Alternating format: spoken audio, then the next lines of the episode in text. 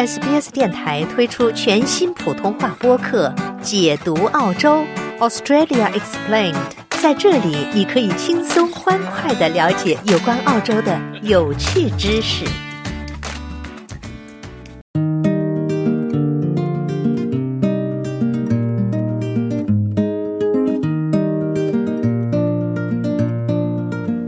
在距离悉尼以西九十分钟车程的蓝山，有一群人正在照料蔬菜，休养生息。夏季收获的蔬菜有黄瓜、西红柿、豆类和其他绿色蔬菜；冬季收获的蔬菜有花椰菜、西兰花、羽衣甘蓝、萝卜和雪豌豆。这些蔬菜都是当地志愿者种植的。马努普里吉奥尼正在领导这个小组。Socially connected growing is a type of food growing that doesn't involve uh, just one person. 社会联系种植是一种食物种植方式，它不只是由一个人来完成市场园艺的全部工作。因此，我们每周都会在不同的地块上开展志愿者活动。社区里的任何人都可以来我们的地块上帮助我们。我们发现来这里的人年龄、文化背景、性别都大相径庭，这是让人们围绕食物种植建立社交联系的绝佳方式。And, you know, and it's just a brilliant way to connect people socially around food growing. 马努在四年前开始了这个名为“向前耕种 ”（Farm It Forward） 的项目。从那时起，尽管发生了严重的干旱、丛林火灾和新冠大流行，志愿者们仍然种植并收获了二十六吨农产品。 It's really about bringing vegetable growing back to our towns and cities. 这实际上事关把蔬菜种植带回我们的城镇、郊区和近郊区。澳大利亚大约有1.08万英亩的草坪，如果我们能利用这些草坪为人类提供食物，而不是那些甚至不能为动物提供栖息地的草坪，那么我们的粮食安全状况就会更好。for animals, um, then we'd be in a better place in terms of food security. 之所以选择赠送部分土地用于粮食种植的土地所有者，是因为他们面临着社会隔离的风险，其中包括有年幼子女的家庭和年长的退休居民，其中包括七十九岁的前护士西尔维亚梅。Because I'm on a big bush block, 因为我住在一个大灌木街区，许多朋友都退休了，居民人数正在减少。但我更愿意留在这片土地上。如果没有向前耕种项目，我大部分的社交活动都是和同龄人在一起。与不同年龄段的人打交道是件很愉快的事。与不同年龄的人待在一起，能让我觉得自己是我自己，而不是一个老人。另外，在这里有一个菜园，我不必亲自动手，这是最了不起的奢侈。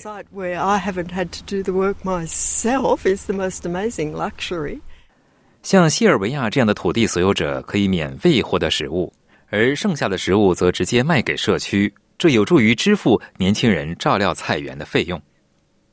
这是一个双赢的计划，对健康还有其他好处。中国哈尔滨医科大学于二零二三年在《自然人类行为》杂志上发表了一项研究，考察了两百多万成年人中孤独、社会隔离和早逝之间的联系。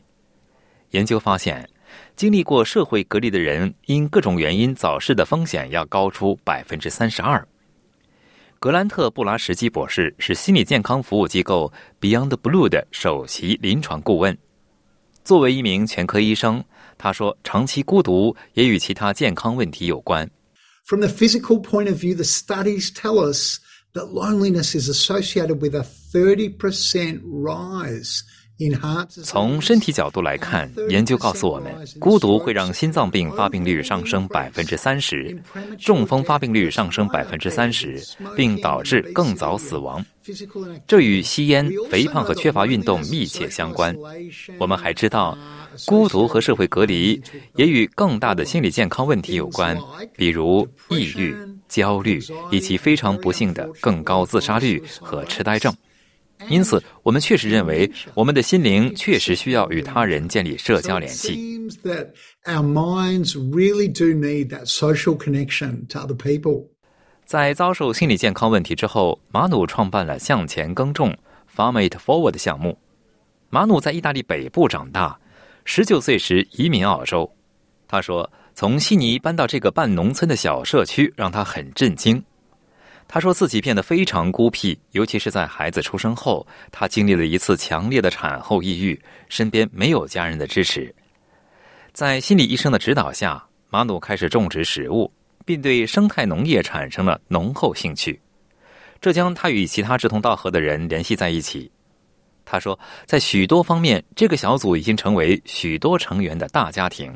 When I was a young mum with two small children, I remember the thing that really, really helped the most. 当我还是一个带着两个小孩的年轻妈妈时，我记得真正对我帮助最大的事情是，我知道如果我遇到危机或正在经历艰难时刻，有人会很容易的把饭菜送到家里，或者我知道有一个非常可爱的网络，我信任和爱他们。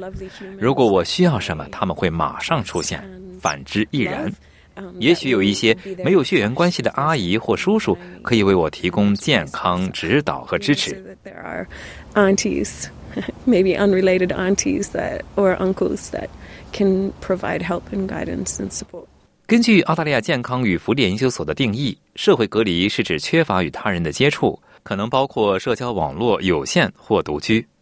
另一方面，孤独是一种情绪状态，是对社会接触水平低于期望值的反应。虽然大多数人在一生中的某个阶段都会经历孤独，但那些经历多年长期孤独的人最有可能受到健康影响。布拉什基博士说：“像这样的社区项目，越来越多的被医学界视为一种解决方案。” Doctors are being encouraged to provide what are called social 医生被鼓励提供我们称之为社会处方的东西，我写在一张纸上，就像剧本一样，然后说你加入这个社区团体会非常好。或者在接下来的几周里，你可以制定一个计划，约上朋友一起聚聚，或者去做志愿者，或者对有些人来说，养只宠物也是个不错的主意。我认为医学界越来越认识到，让人们重新参与社交活动，是对他们进行管理的一个非常重要的部分。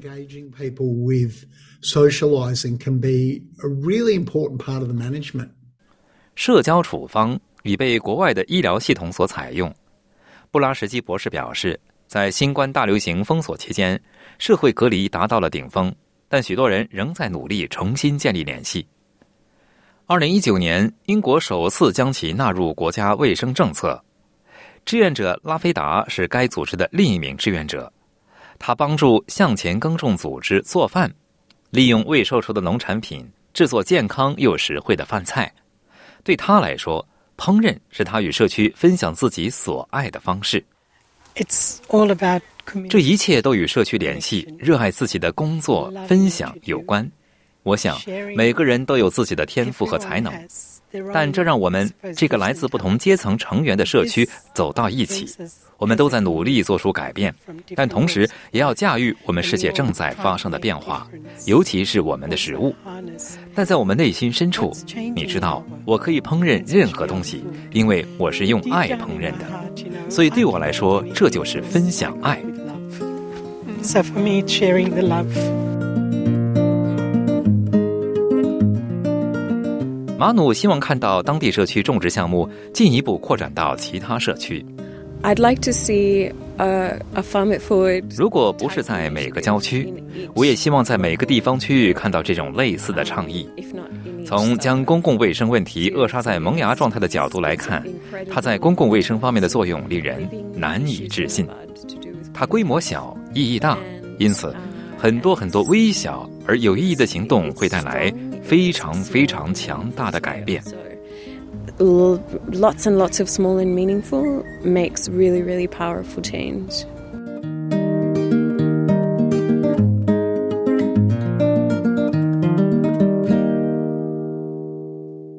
想在 SBS 当一回影评人吗？SBS On Demand 正在推送配有中文字幕的热门影视作品。